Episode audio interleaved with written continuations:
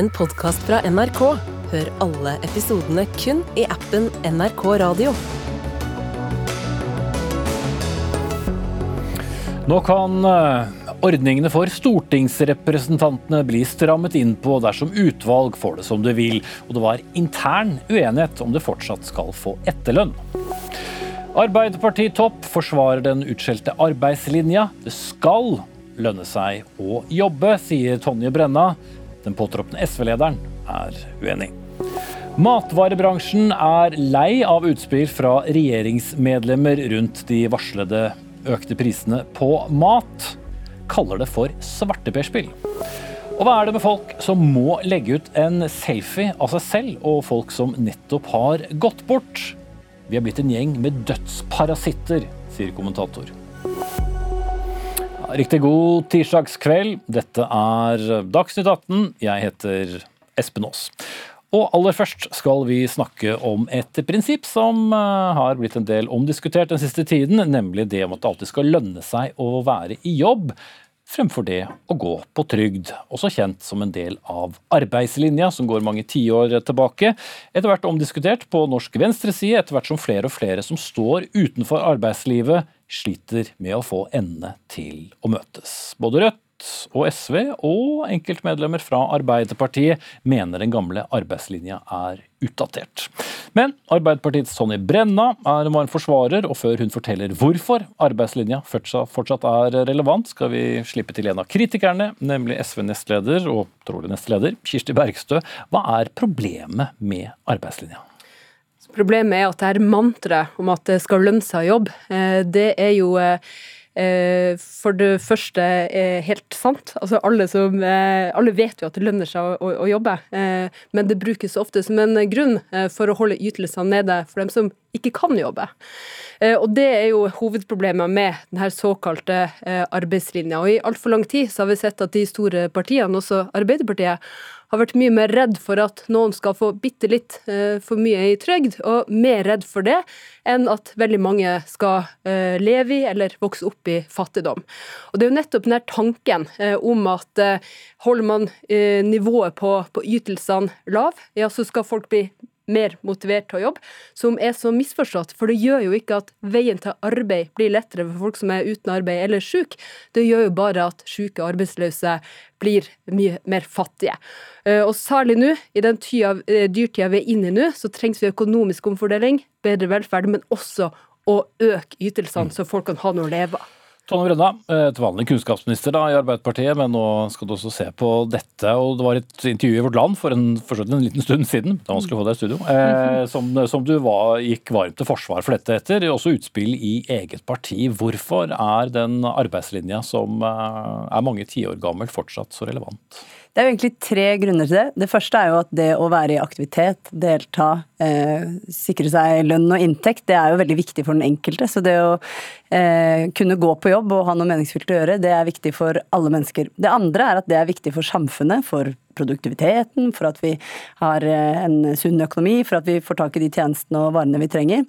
Men den tredje grunnen til at arbeidslinja er viktig, det er at eh, hvis ikke mange nok jobber, så har vi heller ikke råd til å eh, ta godt vare på de som ikke kan jobbe.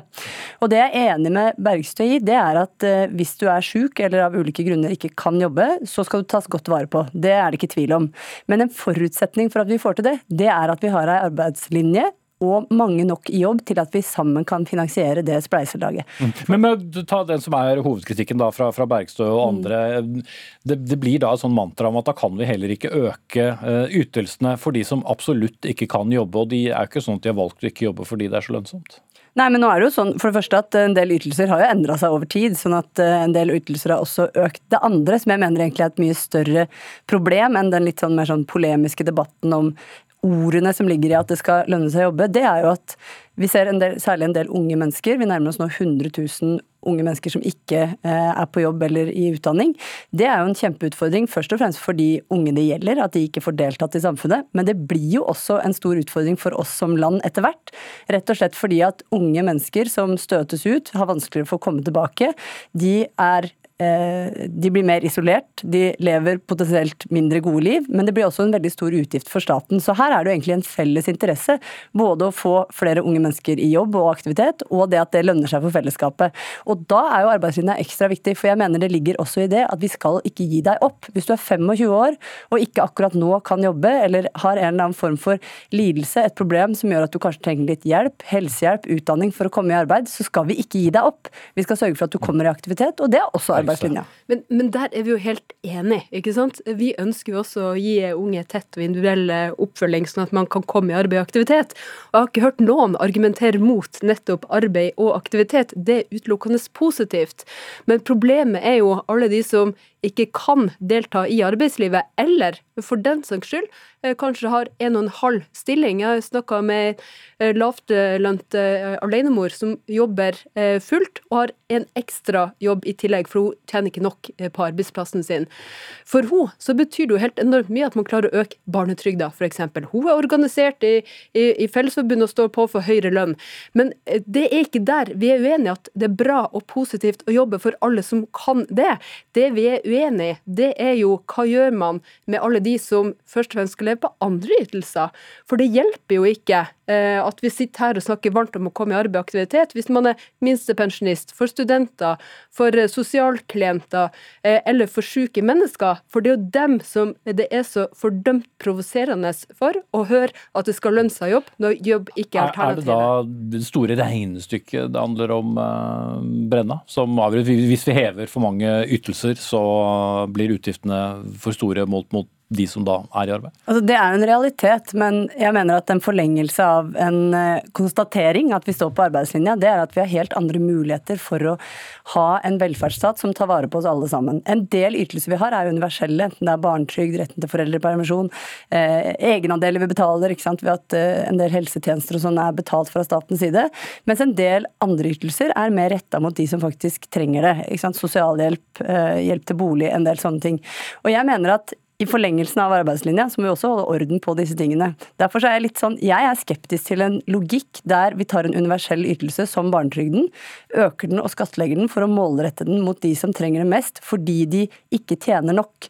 Det forringer både eh, muligheten for å ha universelle ytelser. Jeg mener det er viktig for oppslutninga til velferdsstaten, men det er også mindre treffsikkert. For logikken må jo være at mange av oss nyter godt av at vi har en universell velferdsstat.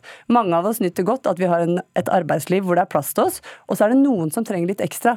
Og fordi vi har bred oppslutning om det som er universelt, så er det også stor aksept for å hjelpe de som trenger det spesielt. Så disse tingene henger åpenbart sammen. Men skattlegging av barnetrygd er jo først og fremst en debatt i, i Arbeiderpartiet, i ditt parti. Det vi tar til orde for, det er å øke barnetrygda, og så ser vi at det virker.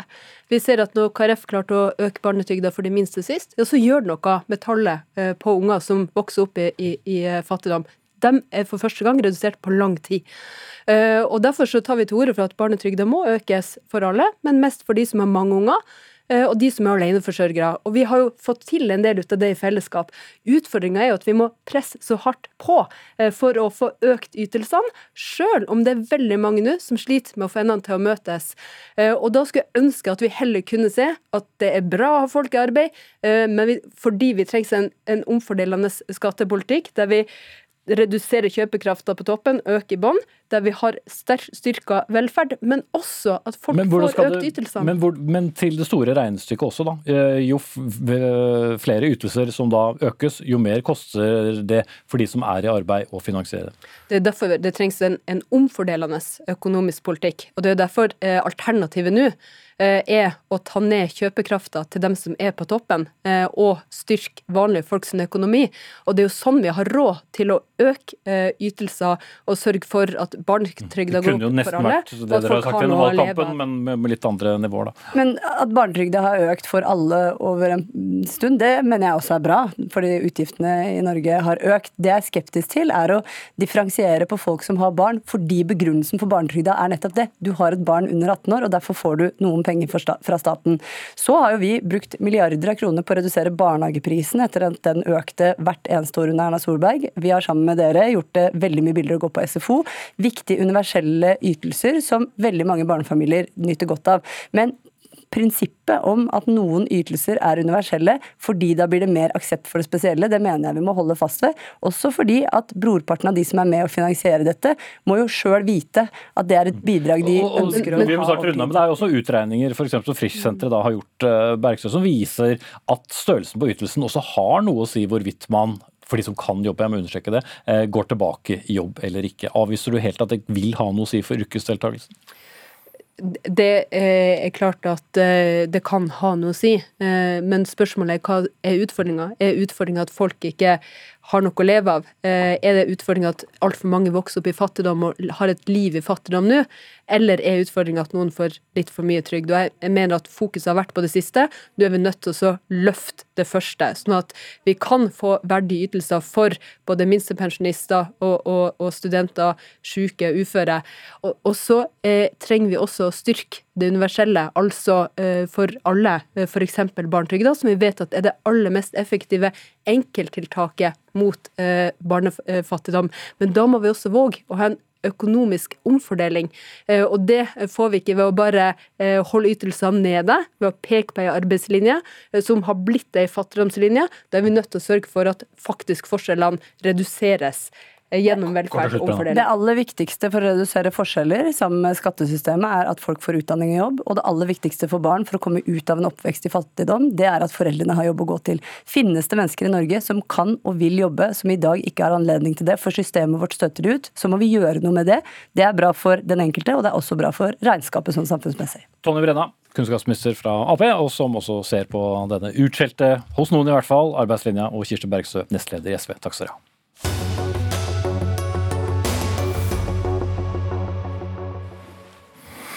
Ja, I morgen kommer eh, svaret på det vi har snakket om så lenge, så lenge. Spaltemeter på spaltemeter. Hvor mye går prisen på mat opp? 10% er en eh, slags eh, spådom. Flere regjeringsmedlemmer har engasjert seg i eh, saken. Sist ut næringsminister Jan Christian Vestre, som har reagert på den forventede økningen og sier til VG at det ikke er grunn til et stort prishopp nå, og ber eh, bransjen ta ansvar. Og Bendik eh, Solum Wiss, bransjedirektør for dagligvare i Virke, som da representerer, eh, om ikke alle, de fleste av de store matvarekjedene.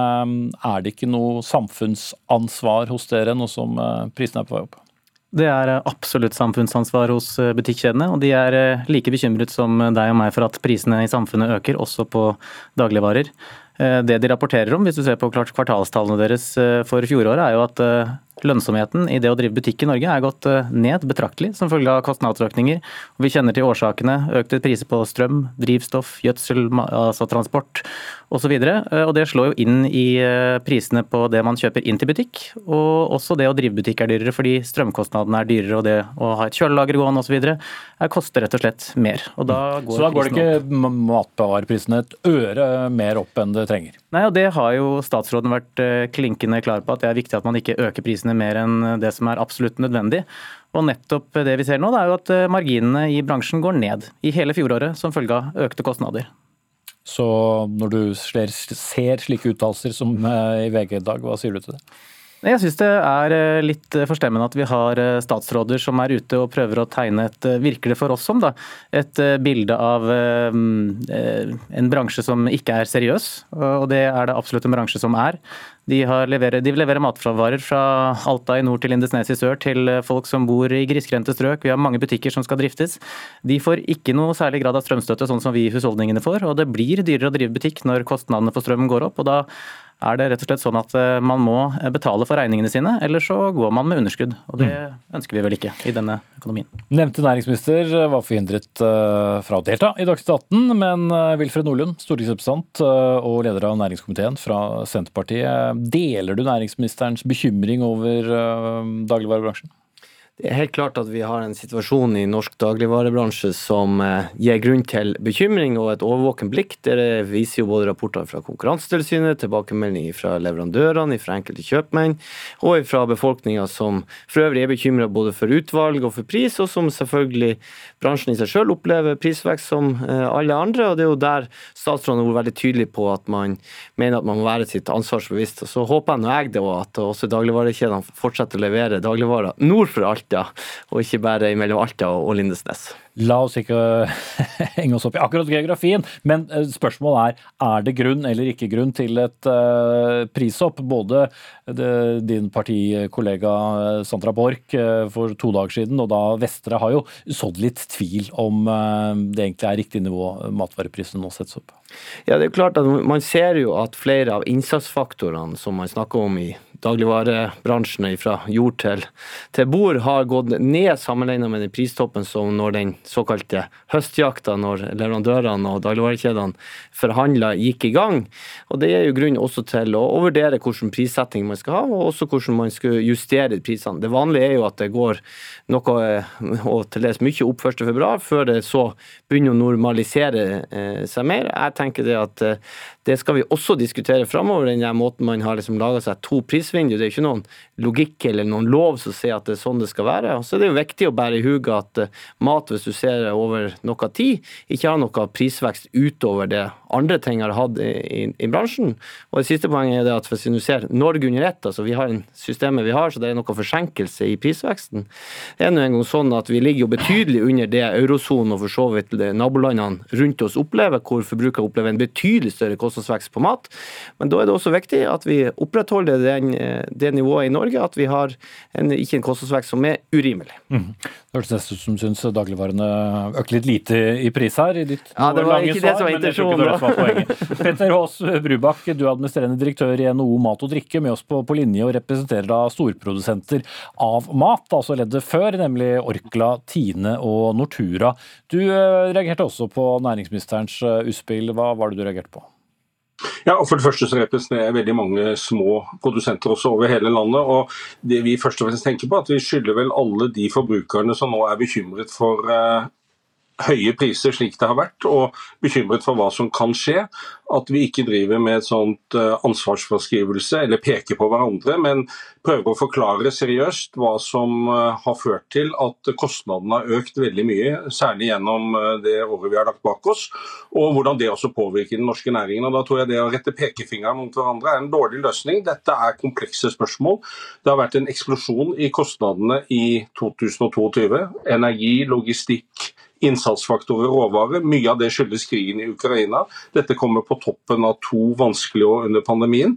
Og, og Det syns vi er viktig å ta med seg, slik at ikke vi fører en debatt som, som egentlig blir mer forvirrende og mer sånn ansvarsfraskrivende enn en konstruktiv. Men, men syns du det er rart uh, at mange forbrukere altså, ser mot uh, politikere og andre med ansvar? Dette kan jo få enorm forskjell for, for hva slags uh, husholdningsøkonomi de skal ha i de neste elleve månedene, eller hvor lenge det skal holde på med høye priser? Nei, det er ikke rart i det hele tatt. og nettopp Derfor bør vi stille ekstra krav til oss selv om hvordan vi diskuterer disse spørsmålene. For for de som nå er bekymret for hvordan de skal få endene til å møte, så er jo dette stort alvor. og Da er det viktig at ikke vi eh, bagatelliserer de utfordringene som eh, hele verdikjeden for mat har stått overfor eh, i forhold til kostnadsøkninger, og at vi alle gjør det som vi kan de, eh, i, i, de rollene vi er, for å bidra til at det er en hard konkurranse, en virksom konkurranse, til beste for forbrukerne. Mm. Nordlund, eh, bør næringen, enten eh, de leverer mat til butikkene eller de som selger maten i butikken, ta en form for samfunnsansvar? Ja, jeg opplever jo svært mange som også ønsker å gjøre det. Og så er det en kjensgjerning at eh, vi har det som jeg kaller ofte hard konkurranse om markedsandeler i norsk dagligvarebransje, men vi har ikke nødvendigvis en sunn og god konkurranse av den grunn, selv om den er hard. Og da betyr det jo at eh, Stortinget har jo vært tydelig tverrpolitisk om at man ønsker å ta grep rundt eh, tross alt et marked som over 200 milliarder, hvor tre aktører i hovedsak bestemmer hva vi skal betale og hva jeg og du skal ha på bordet. og Da er det jo politikers oppgave å sørge for at reguleringen er på plass. Mm. Og så er, jeg, er jeg jo enig, ja, så er jeg jo enig i at eh, man skal snakke rimelig om disse forholdene som ligger bak, og for, for øvrig foran oss også, om hva som er årsaken til at man får den prisveksten. Det som regjeringa har oppfordra til, og som for så vidt kan gjenta, det er jo at man er eh, tilbakeholden med å foreta prisøkninger som ikke er nødvendig. Det er svært mange som mener det at de tre store på dagligvaresida tjener mer enn godt nok, og det skal også bransjen være klar over når man diskuterer hvor stor skal man være. Det er ikke nødvendig sånn at å være så stor at man blir så dominerende at vi må foreta ganske radikale grep i være okay. gode for eh, næringa. Hvis du representerer noen av disse. Noen av disse, absolutt. Og, og det jeg mener er litt viktig her, er den, den retorikken som eh, regjeringspartiene bruker om enkeltaktører. Nå har jo Vestre varslet at han vil se på marginene i hele verdikjeden for mat. Det er kjempebra. Det ønsker jo, verdi, eh, altså det ønsker jo dagligvareaktørene velkommen. Nettopp fordi at de sitter jo på de laveste marginene her, og de har også hatt synkende marginer gjennom hele fjoråret. Eh, nettopp pga. at kostnadene har gått opp. Og Jeg syns kanskje at det er litt ansvarsfraskrivelse fra politikerne som sitter på en verktøykasse. Hvis de ønsker å dempe prisene for mat nå på kort sikt, så kan de justere matmomsen sånn at den blir likere den de har i Sverige. De har skatte- og avgiftspolitikk, og så har vi også Kon- Konkurransetilsynet, som Wilfred eh, sikter til her nå, pekt på at vi har høye tollmurer på landbruksvarene våre. Det er også en, en sak man kunne kikket på hvis man skal høre på Konkurransetilsynet. Men det er en litt større debatt enn vi har tid til her, tror jeg. Mm. Men det er jo helt riktig. Det er jo mye man kan gjøre også, som kanskje ikke dere er så glad i Senterpartiet, da, men også åpne for andre matvarer, øke konkurransen der. Ja, det er jo sånn at en del av de importerte varene som har hatt høyest eh, prisvekst. og Det er jo for så vidt en interessant eh, diskusjon i seg sjøl, men det er klart verktøykassen er, er, ganske stor. og Det var det som var egentlig min advarsel i stad. Altså, man skal vokte seg for å bli for stor og for mye integrert, for det at da eh, blir jo behovet for å foreta ganske radikale inngrep eh, stadig større, når vi tross alt eh, bare har tre kjeder for alle praktiske formål i, i Norge. Og jeg minner om at Stortinget har gjort ganske kraftfulle vedtak som regjeringa er i ferd med å, å, følge opp. og Vi har en historisk antall vedtak når det kommer til hvordan skal man bedre og sikre god og sunn konkurranse om vår dagligvarekurv et ganske advarende pekefinger her nå på hva som kommer av prisøkninger, og hvorvidt de kan begrunnes eller ikke? Ja, Dette er nok en sak som opptar politikerne mye, meg selv inkludert, rett og slett fordi at det er en lukka bransje for alle formål i butikk. Der har vi en tre kjeder som i prinsippet bestemmer hva du skal putte i handlekurven, og hva vi skal betale. og Det er klart at det krever reguleringer, sånn at du sikrer at du har en sunn og god konkurranse, og ikke bare en hard konkurranse om markedsandeler. Coop Norgesgruppen og Rema, for de som lurte på hvem de tre var. Du skal straks få slippe til men Brubakk, spørre deg også. Hvordan føler du dialog mellom næring og, og myndigheter er om dagen dette spørsmålet? Altså, dialogen er god, og vi har fått gode anledninger til å formidle de bekymringene mange av våre medlemmer har, bl.a. om kostnadsutviklingen. Men jeg må også si at regjeringen har jo eksempelvis valgt bort å gjøre noe som virker for næringslivet i forhold til de høye strømkostnadene. I hvert fall så vi ingenting til det gjennom fjoråret. Det betyr jo også at det er et valg som regjeringen har begrunnet hvorfor den tok, men det er også et valg som kan ha konsekvenser. For Jeg er veldig opptatt av at man ikke må drive og rette tilbake for smed og, og, og prøve å plassere ansvar der det ikke hører hjemme. Prisene har dessverre gått opp i alle europeiske land, og det har gått opp mye i mange av landene vi ofte sammenligner oss med. Og Det skyldes forhold som har lite egentlig med konkurranseforholdene okay. i norske Som vi har dager. vært innom, beklager at jeg bryter. Jeg skal bare spørre deg veldig kort til slutt. Hvis er det gitt at vi får et så stort prisopp? Ingen har jo helt sett fasiten ennå. Det er mange spekulasjoner, og jeg som representant for en bransjeorganisasjon kan ikke gå ut og mene noe om det. Så jeg venter i spenning på i morgen tidlig. Det kan jo godt hende at det ikke blir så ille som noen har vært ute og spådd. Så vi får vel bare krysse fingrene for våre egne og folks lommebøker. Er det en ting jeg er sikker på, så kommer det til å være veldig mange eksempler på det i uh, aviser og TV og radio de neste uh, dagene. Wilfred Nordlund, stortingsrepresentant fra Senterpartiet, leder av næringskomiteen, Bendik Solum Wist, bransjedirektør for dagligvare i Virke, og med oss på linje Peter Haas Brubakk, administrerende direktør i NO Mat og Drikke.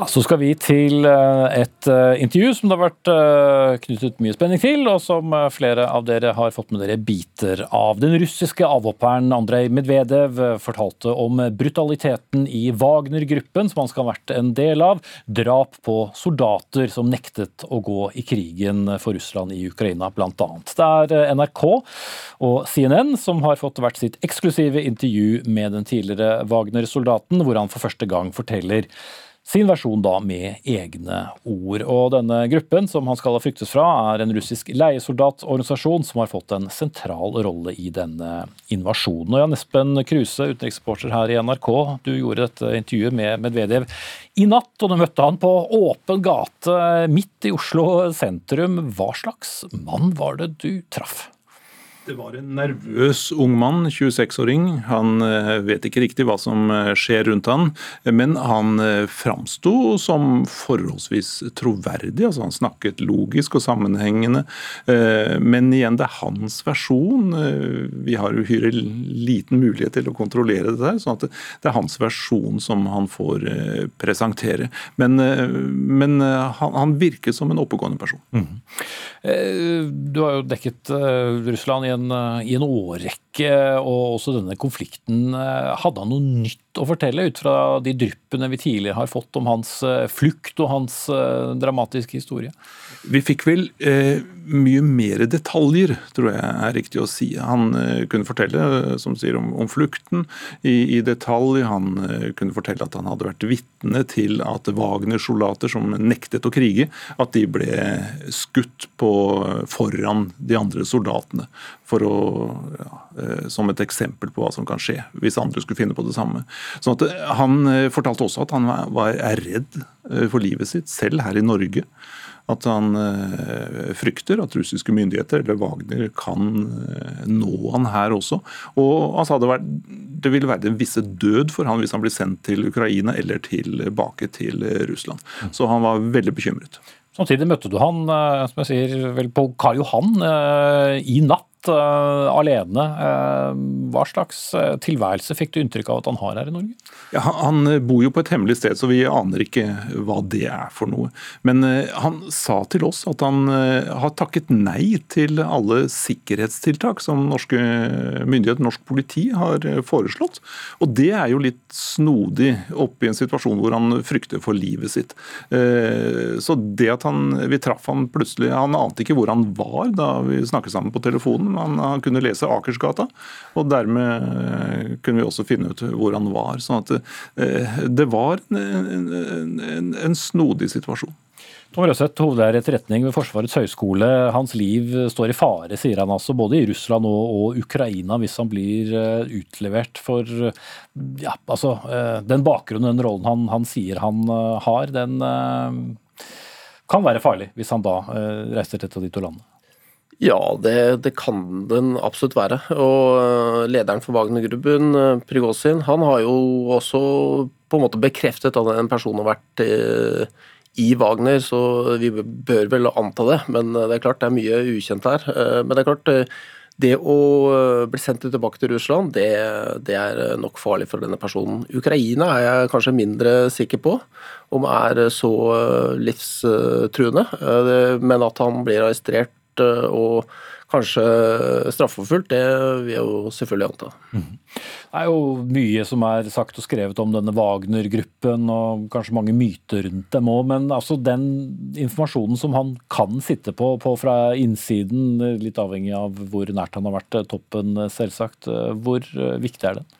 Det er to, to, spor. Det ene er krigsforbrytersporet, som jeg forstår Kripos er i prosess med, med avhøre med han. Og det andre er om man har informasjon som kan ha etterretningsverdi, altså at hvordan Wagner-gruppen opererer i forhold til de russiske væpnede styrkene, hvordan forholdene er i Wagner-gruppen, og ja, ting som egentlig er litt vage og grå og ukjente nå. og han har noen svar da, på lavere nivå, som du sier, taktisk. Han var vel da en troppeleder og hadde da ti pluss personer under seg. Mm. Og, og, Jan Espen, det har jo vært ja, altså historien hans om denne flukten over tynn is på vann, kuler, hunder osv.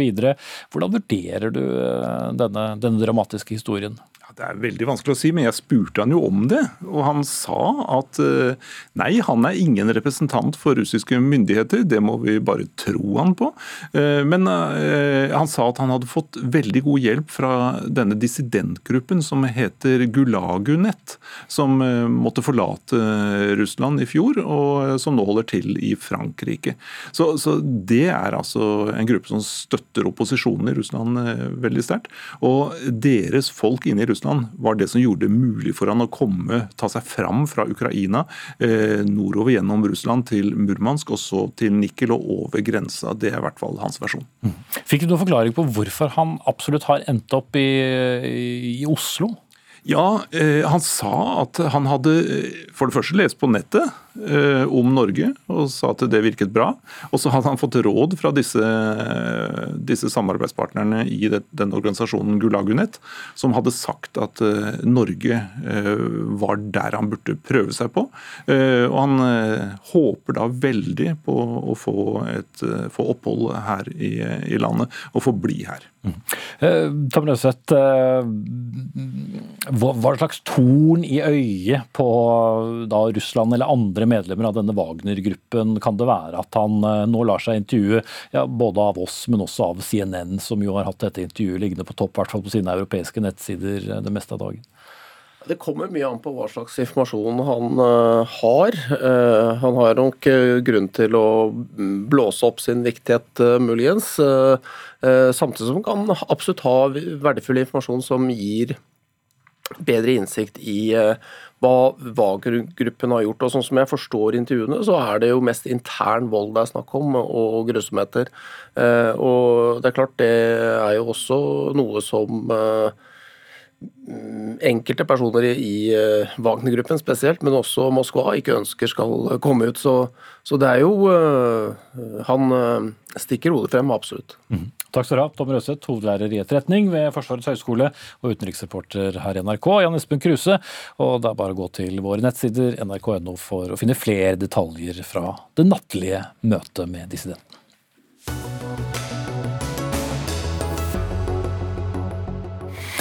Senere i Dagsnytt 18 har du lagt merke til hvordan sosiale medier tidvis ser ut til å oversvømmes av folks selfier og egne historier med folk som nettopp har gått bort, som var kjent. Til oss kommer en som gjerne vil at folk skal gjøre nettopp det den dagen han går bort. Og så kommer det en som kaller disse menneskene for dødsparasitter. Men nå, representantordningsutvalget de var delt i spørsmålet om etterlønn til eh, stortingsrepresentanter. Og ethvert våkent menneske har sikkert fått med seg diskusjonen som har gått, eh, etter avdekking om brudd på reglene for bl.a. pendlerbolig og mer.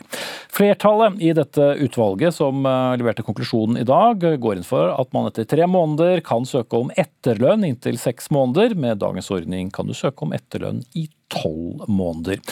Og er du folkevalgt, så bør du nå bo mer enn fem mil fra Stortinget, som er arbeidsplass, for å kunne søke om pendlerbolig, mot dagens regel om fire. Og Therese Johnsen, tidligere ekspedisjonssjef i Riksrevisjonen, du har ledet av dette representantordningsutvalget. eh, Og tilhørte flertallet spørsmålet om etterlønn. Eh, Hvorfor eh, må vi ha denne etterlønnsordningen, hvis vi begynner der med, med seks måneder? Ja. Eh, Det er flertall som eh, ikke vil kalle det en etterlønn, men vil kalle det en omstillingsytelse. Som går utover de, eh, de tre månedene som i dag er fratredelsesytelse, og man foreslår seks måneder. Og Bakgrunnen for det er jo at Og vi foreslår altså et kriterium, et kriterium om at det skal være for stortingsrepresentanter som har minst åtte, altså to valgperioder på Stortinget, altså minst åtte år.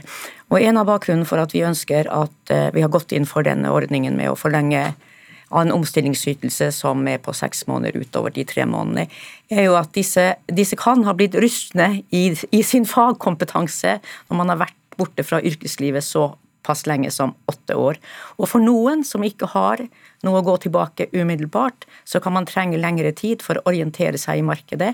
Kanskje også, Det er også satt at vi, de skal jo da være aktivt arbeidssøkende. De skal eh, eller drive med kompetanseheving. Eller vi har også sagt at de kan bruke tiden til eventuelt å starte egen virksomhet, eller gjenstarte tidligere virksomhet. Og Vi tenk, har også tenkt at det, det må være slik at stortingsrepresentantene skal kunne utøve vervet sitt fullt ut, også de siste månedene de har dette vervet, og at man kan ikke bruke tiden på å lete etter en jobb. For, for, for det er litt av poenget i, i den konklusjonen at uh, hvis du f.eks. er valgt inn da, på en litt usikker plass, uh, og du ikke er sikker på å bli valgt inn, eller du vet at det er din uh, siste periode, så kan mye av den siste tiden heller bli brukt for å finne ut hva du skal jobbe med etterpå, dersom ikke det er noe sikkerhetsnett som, som fanger det opp. Ja, og vi ønsker jo at de skal jobbe med vervet som stortingsrepresentant og ha muligheter til å utøve det på like vilkår som andre, og ikke bruke tiden på å skaffe seg en jobb, eller tenke på hva skjer etterpå om jeg ikke kommer inn, og hvis jeg ikke kommer inn. Og, og det, det, kan jo være altså ut fra, den, ut fra geografi og hvor man kommer fra, hva som er ens faktiske bosted, så kan det faktisk være ulike muligheter til å skaffe seg en jobb. Mm. Og så må jeg bare også kort spørre deg om, om denne økningen, da, grensen på hvor langt unna du skal kunne bo eh, Stortinget. Hvorfor trenger den å oppdateres med 10 km? Altså, den på 40 km, den er fra 1950. Og etter det så har det jo skjedd ganske store endringer både når det gjelder, når det gjelder altså infrastrukturen, mulighetene til å, til å ha arbeidsreiser inn til Oslo på, på fem mil, er, ikke, er, ikke, er mye lettere nå enn det var for en for i 1950-tallet, på 1950-tallet. Så er det også sånn at Forsvaret har 50 km for pendlerboliger. Og Riksdagen i Sverige, som også fikk nye retningslinjer i fjor vår, de har også valgt 50 km. Mm, så en, en ren oppdatering. Masud Gharahkhani, eh, stortingspresident, eh, men også innvalgt da eh, fra Arbeiderpartiet. Hadde du hatt pendlerbolig, så hadde du ikke kunnet gjøre det lenger, siden du kom fra, fra Drammen. Men er det nå et skritt i rett, riktig retning å, å dempe litt på, på, på disse ordningene som har vært så veldig omdiskutert nå? Først vil jeg jo takke Therese Johnsen-utvalget for solid arbeid. Altså det er jo slik at det var jo presidentskapet, da, i samråd med alle politiske partier, som ønsket at det var et eksternt utvalg. I utgangspunktet skulle man kun se på pendlerboliger, men så sa vi at eh, for å sikre åpenhet og tillit, så er det nødvendig at man går gjennom alle økonomiske ordninger. Stille seg selv spørsmålet er ordningene rettferdige, er det ordninger som må til for at man skal kunne være stortingsrepresentant uavhengig av hvor i landet man bor og bakgrunn, og ikke minst også åpenhet, eh, ordninger som ikke er til å misforstås og kunne enkelt kontrollere. Og Er du fornøyd med resultatet? Det ble gjort et solid arbeid, eh, og har nå overlevert det. Eh, så jeg skal studere det nøye. Og så er det jo viktig for meg og presidentskapet at vi involverer alle de politiske partiene, for dette skal jo da endelig behandles i Stortinget. Mm. Og Marie Sneve Martinussen, stortingsrepresentant og nestleder eh, i Rødt. Denne etterlønnsordningen som vi begynte å snakke om, mener dere man kunne fjernet, og så kunne du heller benyttet seg av Nav og andre ordninger. Men ser du poenget til utvalgslederen også? Det er ikke helt det samme å, bli, å være innvalgt på Stortinget som å være i jobb? Jeg ser ærlig talt ikke helt det poenget. Altså for meg er det et viktig prinsipp at når vi på Stortinget vedtar lover og regler som påvirker hverdagen til alle i Norge, så kan vi ikke samtidig si at de lovene og reglene F.eks. når man blir arbeidsledig. De er ikke bra nok for oss, så vi skal ha noen egne regler. Derfor så mener jeg at de tre månedene man har med fratredelsesytelse, som er en slags oppsigelsesperiode, det er tilstrekkelig til at man eh, kan prøve å finne seg en ny jobb. Og får man ikke til det, så er man i samme situasjon som mange andre i Norge, som både kan trenge å orientere seg i markedet eller ta opp eh, mer utdanning, men da går man til Nav, sånn som alle andre i Norge gjør. Og for meg så er ikke det det er ikke noe man kan eh, si ja, vi kan flikke litt på det. Det er egentlig et prinsipp som jeg tror er veldig viktig. fordi Grunnen til at vi sitter her, er jo fordi det har vært ikke én eller to eller tre, men mange saker der stortingsrepresentanter, bevisst eller ubevisst, innenfor eller utenfor regelverket, har kanskje strukket strikken litt lenger enn man bør. Og nå er vi i stort behov for å gjenopprette tilliten til Stortinget. Det er viktig for demokratiet, og da syns jeg en sånn etterlønnsordning som en helt egen ordning eh, for stortingsrepresentanter, den burde vi rett og slett bare fjerne. Mm. Så du tror ikke at eh, f.eks. dersom eh, din, din plass på, på, Stortinget ville være da usikker før neste stortingsperiode, at du ville tenkt mer på hva du skulle gjøre etter valget i den siste tiden på Stortinget enn dersom du visste at det var et sikkerhetsnett som ventet deg? Altså, det er jo et sikkerhetsnett. Som for alle andre i Norge så kan man få 62,4 eh, av lønna opp til 6G. Sånn er reglene for alle andre i Norge hvis man f.eks. jobber et sted der man eh, nedbemanner eller omorganiserer, som skjer for veldig mange arbeidstakere. Det er et sikkerhetsnett. Det burde være bra nok for oss også. Og hvis det ikke er bra nok, så burde vi jo styrke det sikkerhetsnettet for alle i Norge. Det som er viktig her, er jo at man har eh, regler som man, eh, som man kan stole på både for, for oss politikere, og at ikke er at ikke vi bruker den makta vi har da, til å lage bedre regler for oss sjøl. Det er jo også et mindretall i utvalget som mener at man skal avvikle den etterlønnsordninga. Så jeg håper og regner med at det blir en reell debatt blant partiene i Stortinget om man skal gjøre det. Vil du kommentere det, Kargani? Altså, jeg registrerer at både flertallet og mindretallet foreslår en innstramming av ordningen. Og så er det ulike syn. Det tenker jeg er fint, for det er jo de debattene vi må ta. Registrert hva Marie og Rødt mener. Og så er det jo slik Marie sier da, at eh, her skal jo vi forankre dette med alle politiske partier, eh, for det skal jo endelig vedtas i Stortinget. Mm. Men alle sakene som har gått i mediene, med alle debattene som har gått både på Stortinget og i dette studio og andre steder, er det tvingende nødvendig at det blir litt mindre forskjell mellom de som sitter på Stortinget med en million i år og de ytelsene som er der, og såkalt vanlige arbeidsfolk? Jeg tenker En uh, viktig prinsipp som uh, Therese sitt utvalg har jobbet ut ifra, er at ordningene må til for at du skal kunne gjøre jobben som stortingsrepresentant, uavhengig av bosted og bakgrunn. Og så er det jo slik at Vi har jo ønsket oss denne helhetlige gjennomgangen. Alle partier har ønsket seg det. At det er åpenhet om disse ordningene er jo en del av å bygge tillit. Og også få på plass ordninger som er forutsigbare. Mm. Har det vært for enkelt å benytte seg av ordningene? Vel, altså Det er jo vært et behov, tydeligvis, for å ha denne gjennomgangen. Og det tror jeg er bra. Eh, det ene er at det er åpenhet om ordningene. Og så er det slik at når vi endelig blir enige om dette skal være ordningene og veien videre, så er det enkelt å kontrollere. Mm. Men det er ikke nok åpenhet, så jeg din leder Bjørnar Moxnes sa i dag? Eh, nei, Vi mener jo at man burde gått enda lengre i åpenhet og hatt rett og slett en oversikt over all bruk av ordninger, så lenge det, lenge det ikke måte, går utover si, private personopplysningshensyn. Og Det handler jo nettopp om at vi må anerkjenne at de siste årene har eh, skapt en voldsom tillitskrise. og vi, Stortinget er ikke en, som en restaurant der vi kan gjøre noen sånne jippo for å opp, opprette ny tillit. Vi er en eh, viktig institusjon i demokratiet, og den tilliten må vi sørge for at vi har. og da tenker jeg at full full åpenhet er lurt. Eh, det som skjer nå, tror jeg, det første når jeg sier til folk at sitter på Stortinget, er at de begynner å spørre meg om pendlerbolig, reiseregninger. sant? Ved å ikke ha full åpenhet, så tror jeg vi faktisk skaper mindre tillit til om folk faktisk reglene, fordi de aller fleste representanter følger jo faktisk reglene. Det er helt enig, Vi skal ha full åpenhet. og Det er derfor vi også har ønsket oss dette utvalget. Og så er det slik at Når dere i media ber om innsyn i reiseregninger, etterlønnsordninger, så er det ting som går an å få offentlighet om. Og Sånn skal det jo være i et tillitssamfunn. Kan vi også bikke over til at det blir for mye mistenkeliggjøring av eh, dere som eh, sitter på Stortinget? For som du selv poengterte, de fleste følger regelverket. Det var akkurat det som har vært problemet, at man har hatt et regelverk som har vært altfor raust. Fordi selv om man har fulgt regelverket, så vil jeg jo mene at f.eks. etterlønnsordninga da, mener jeg er for raus. Og i tillegg så har det jo vært eh, både situasjoner der folk ikke har villet gitt informasjon, og ja, mye surr, mange vanskelige tekniske spørsmål for all del. Men jeg tror det vi må bort ifra, er at vi skal være sånn voldsom særstilling. Ja, det er et særlig ansvar og et særlig verv, og har en million i lønn for å gjøre det vervet, men f.eks. da at man ikke skal klare å skaffe seg jobb på en vanlig vanlig måte. Det kan jo høres ut som man mener at vi har sittet liksom i fengsel eller vært i verdensrommet. Altså, man, man, bør klare å gjøre en jobb også etter å ha sittet på Stortinget ute i det vanlige arbeidslivet, tenker jeg. Eh, Garkane, når eh, får vi vite hva man ender på? Er det langt frem i tid? Altså, allerede denne uken skal vi ha møte i presidentskapet. og Da skal vi legge opp en fremdriftsplan og så skal vi involvere alle politiske partier, slik at de får behandlet det godt. Og så satse på å behandle dette så fort som mulig i Stortinget. Vi får se om dere fortsatt har til salt i såret. Masud Gharahkhani, stortingspresident. Marie Sneve Martinussen, stortingsrepresentant fra Rødt. Og utvalgsleder Therese Johnsen, takk skal dere ha.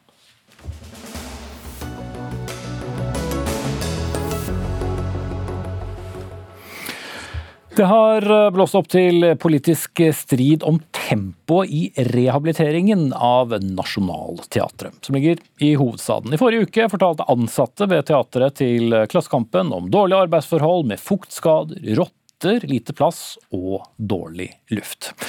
Men i stedet for å bare tenke på å rehabilitere det nå 120 år gamle hovedbygget som ligger midt i Oslo sentrum, så vil regjeringen også utrede andre alternativ, bl.a. med en underjordisk scene på en tomt bak det gamle Nasjonalgalleriet, som er et steinkast unna bygget som nå pusses opp. Og Tage Pettersen, kulturpolitisk talsperson på Stortinget fra Høyre, også nestleder i familie- og kulturkomiteen, sier du mistenker at regjeringen bestiller nye utredning for å skyve en vanskelig beslutning foran seg? Hva ligger bak all denne mistanken? Ja, det gjør jeg fordi kulturministeren og jeg er vel faktisk enige om eh, behovet for å oppgradere dagens nasjonalteater. Eh, eh, sånn at jeg tenker at dette kunne vært gjort som en totrinnsrakett. Hvis kulturministeren har behov for å utrede en scene to-alternativ som hun ønsker å utrede på Tullinløkka, så burde hun, syns jeg, og Høyre, først sagt at nå starter vi faktisk rehabiliteringsprosjektet av Nationaltheatret, hvor det jo er politisk enighet, og så får man komme tilbake til om det er behov for å gjøre noe mer i en egen sak. og Nationaltheatret fyller jo 125 år neste år. Eh, og jeg syns dette hadde vært en eh, fantastisk gave å gi fra myndighetene. At vi faktisk setter i gang med dette arbeidet med å oppgradere Nationaltheatret, som vi jo har jobbet med veldig lenge, og som det er tverrpolitisk enighet om. Og Kulturministeren sa jo faktisk selv allerede i en spørretime i 2017 at forholdene er elendige på innsiden av det bygget, og det er vi absolutt enige om. og Derfor fortjener det også at vi nå starter. Ja, Trettebergstuen, kultur- og likestillingsminister fra Arbeiderpartiet, er det trenering? Nei, absolutt ikke. Og forholdene er elendige, og de skulle vært gjort noe med for lenge siden. Det blir jo litt rart da, at Tage Pettersen sitter her i dag og representerer en, den forrige regjeringen som brukte åtte år på å utrede og ikke startet noen form for rehabilitering, og så klager på at vi har nå har brukt et år. Problemet er at vi er nødt til å gjøre to ting samtidig. For det første så skal vi ta vare på og rehabilitere og oppgradere den eh, kulturhistoriske bygningen som Nationaltheatret er der den står i dag. Men det holder ikke, fordi folka, skuespillerne, dramaturgene, alle de folka som eh, lager teateropplevelser for oss der i verdensklasse, de trenger også noe mer. De trenger et moderne sted å lage teater. Og det er det, ifølge de utredningene som eh, lå eh, på bordet i Kulturdepartementet da jeg tok over, ikke mulig å gjøre i dagens bygg. Så Derfor så må vi også lage scene utenfor eh, huset. Og mm, det er jo slik at eh, Det alternativet som forrige regjering eh, utreda, hvor de langt på vei sa sjøl at det var helt urealistisk å gjennomføre kostnadsmessig, og som heller ikke ville gitt teatret en bedre bygning å lage teater i. Det, det, det går ikke. Og Derfor så ser vi nå på om vi kan ta vare på, pusse opp, dagens nasjonalteater gjøre den hovedscenen, um, den historiske hovedscenen som kan fortsatt brukes, men gi teatret moderne fasiliteter et steinkast unna det gamle teatret. Dere bygger opp et alternativt eh, nasjonalteater? Nei, altså vi, vi, bruker jo dagens eh, teater med hovedscenen der, og så vil jo et steinkast unna på Tullinløkka få en nøktern, men moderne scene, delvis under bakken, samtidig som vi kan bruke det gamle, ærverdige Nasjonalgalleriet og gjøre det tilgjengelig for folk. Mm, hvis det blir vi, ja, galleriet, ikke sant? Hvis vi velger den, hvis vi velger den uh, muligheten, uh, det vil tida vise, for det må utredes videre kostnadsmessig, så vil vi jo uh, kunne bygge på Tullinløkka, og så kan teatret flytte inn der når vi pusser opp dagens teater. Hva, hva Poenget er at vi kan ikke bare pusse opp dagens teater, vi er også nødt til å sikre at teatret får moderne fasiliteter for framtida. Mer teater for pengene. Og når vi skal bruke eh, milliarder på å pusse opp dagens teater, ja, så mener jeg at det er mitt ansvar som kulturminister å se hva vi får okay. igjen for de pengene. Tage Pettersen, hvorfor er det en dårlig idé? Det er mange grunner til at det er en, er en, dårlig idé. Eh, for det første så er det utredninger som allerede foreligger som viser at det er særdeles komplekst å bygge noe under bakken på Tullinløkka.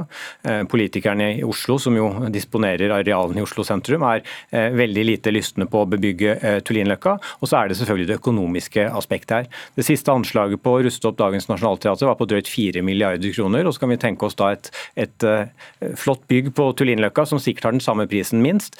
Det betyr altså en investering i Oslo på et sted mellom 8-10-12 milliarder kroner til kulturen. Og Det er klart at det er spørsmål både for kulturpolitikk og kultur i Norge generelt. Og så er det snakk om hvordan vi skal bruke de offentlige pengene. og Finansministeren sa jo senest ved fremleggelsen av siste revidert nasjonalbudsjett at tiden for å bruke de store pengene på store offentlige bygg, den tiden er over. Og så har de nedskalert både regjeringskvartalet og Universitetet i Trondheim som eksempler på dette. Så jeg tror ikke Trettebergstuen har støtte i sin egen regjering heller for dette.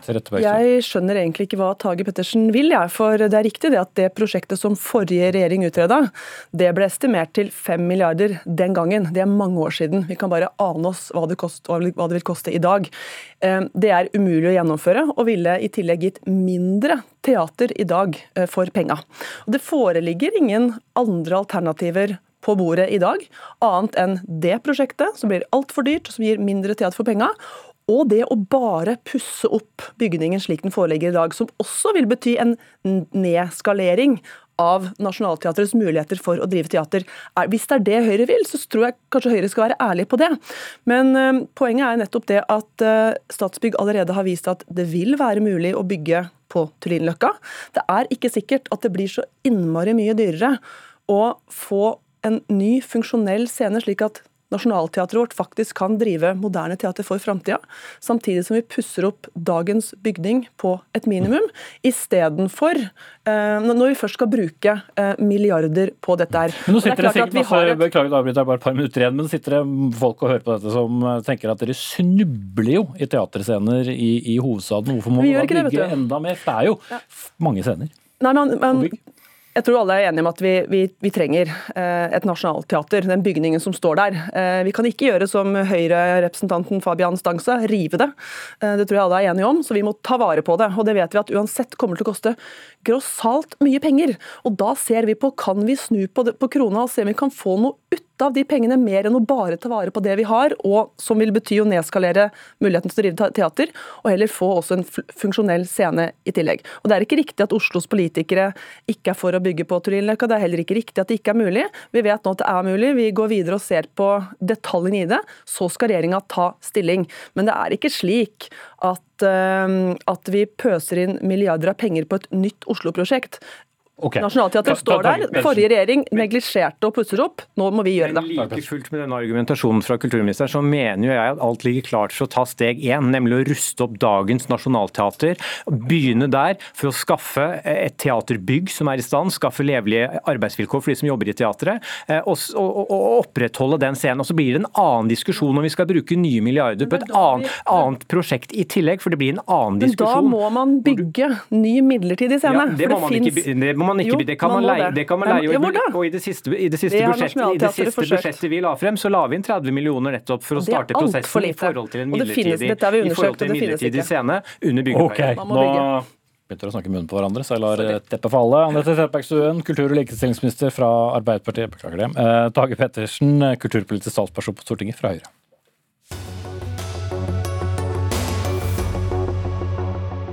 Så fort eh, en eller annen halv eller helkjendis eh, er død, så har de en tendens til å dukke opp hjemmesnekrede nekrologer på sosiale medier. Gjerne illustrert med en selfie av den som har skrevet det, og den som har eh, gått bort. Det var mange av dem for ikke så lenge siden i forbindelse med Shabana Remans bortgang, og også med den tidligere NRK-medarbeideren Tom Christiansen. Folk som driver med sånt, de er dødsparasitter, skrev du i Vårt Land, Sigrid Regge Gårdsvold, eh, kommentator der. Eh, Hva fikk deg til å bruke et så ladet ord? Nei, det, det handler jo litt om at jeg tror at mange av oss, og ganske ubevisst, eh, gir etter for sånn, et sånt behov for å, å sette oss sjøl i sentrum av noe som egentlig ikke handler om oss i det hele tatt. Og det er spesielt da, disse som du sier, disse selfiene som gjør at det skjer, tror jeg. For disse tekstene er det ofte ikke så mye galt i, men ofte så handler de om eh, relasjonen mellom den som skriver og den avdøde, og kanskje da mer om den som skriver. Eh, og det Eh, hvis du kjenner mange som kanskje hadde et, et, et eller annet slags forhold til denne personen, så, så kan det bli et litt sånn overveldende inntrykk eh, når en scroller seg nedover sine sosiale medier. Mm. Hva var det som fikk deg til å sette deg ned og skrive? Dette har jo vært et fenomen som vi har sett en stund. Absolutt, og det, det var intervjuet som Zaid Ali, venn av Shabana Rehman, eh, ga til Aftenposten i, i forrige uke, der han snakka om hvor mange som ble veldig gode venner med Shabana etter at hun gikk bort, og at det ble nesten en sånn konkurranse om å ville si noe om henne i etterkant. Mm. Eivind Tredal, bystyrerepresentant for MDG i, i Oslo. Eh, Ja, du skrev for så vidt som et svar til dette at du gjerne vil ha hyllester med både ord og bilder etter din egen bortgang, men hvis vi henger oss da i, i Shaban Aremans uh, bortgang, hvor, hvor det var som veldig veldig mange hyllester, og det var ikke måte på for hvor mange som kjente henne og hadde gode ord. Hva, hva tenkte du da du så denne strømmen? Jeg syns det var koselig. Men jeg, jeg kan jo skjønne følelsen, da, hvis man er en veldig nær venn av noen, eh, og så er det veldig mange andre som føler at man eh, en liten, eier en liten bit av den personen. Og ikke minst når noen sånn som henne har vært så uh, tydelig og kontroversiell i mange forskjellige sammenhenger, eller opplevd mye motgang, så er det klart at da kan man jo få en vond bismak av at uh, det blir en ren hyllest etterpå. Men samtidig så tenker jeg jo at det er Stort sett så kommer det fra et bra sted. Uh, det eneste man ofte sitter igjen med en litt klisjéfylt følelse av, er jo at folk burde jo være flinkere til å si fra mens folk ennå lever. Det er jo alltid sant. Men i all hovedsak så føler jeg at den, eh, det at mange bidrar med noen refleksjoner, eh, ofte når jeg ser det i min egen feed hvis noen har gått bort eller noe har skjedd, så Noen tråkker kanskje litt over og blir litt sjølopptatte, men i all hovedsak så syns jeg det kan være fint. Og hvis jeg ikke syns det er så fint, så scroller jeg bare videre. Så parasitter er det ikke? Nei.